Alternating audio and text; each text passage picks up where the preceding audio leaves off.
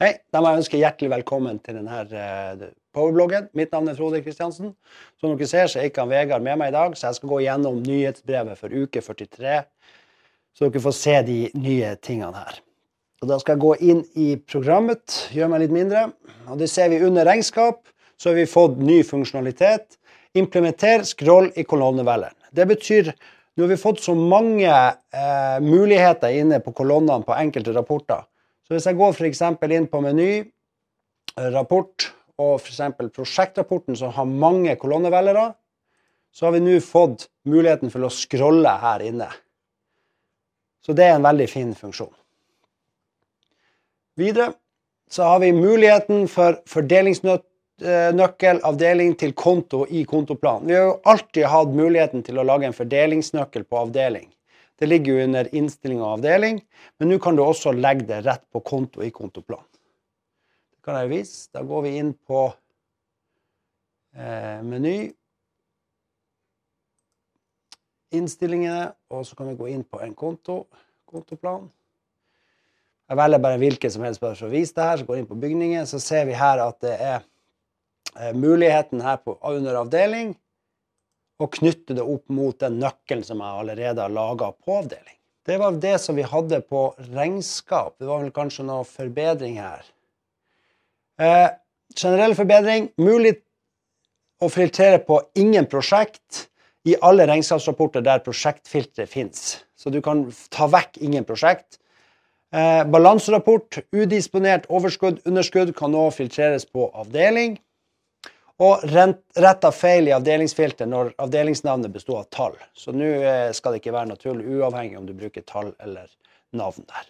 Det var det vi hadde på regnskap. Så under finans så ser vi at vi har fått en ny funksjonalitet. Det ligger under klientvelgen, så kan du nå se betaling som venter på autorisasjon, framkommer nå i klientvelgen.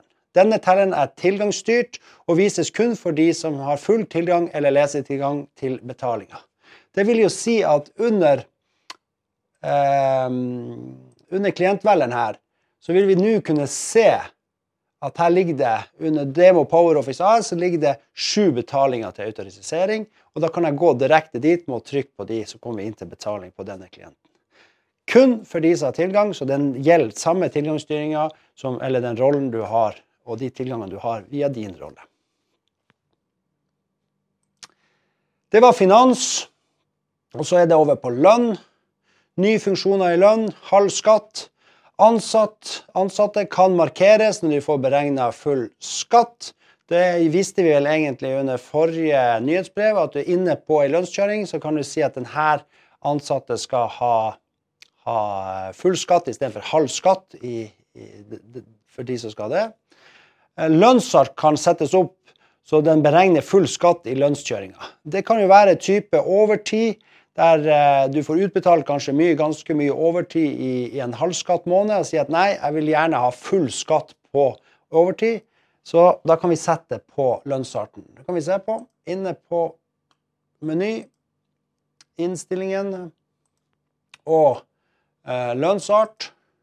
Så hvis vi går inn nå på en overtid, f.eks., så ser vi her at vi har mulighet nå til å beregne full skatt ved halvskatt lønnskjøring. Så det er en fin ting.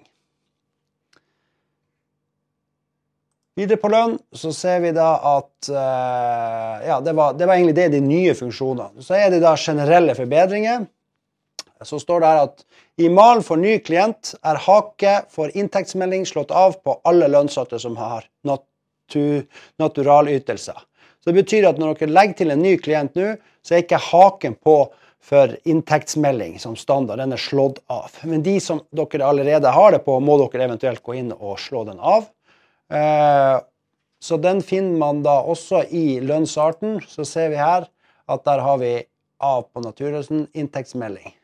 Så det vil være kun på de nye klientene legger til, så vil den være eh, tatt vekk. Det var på lønn. API er det ingen nye integrasjoner. Så det var nyhetsbrev for uke 43. Tjudelu.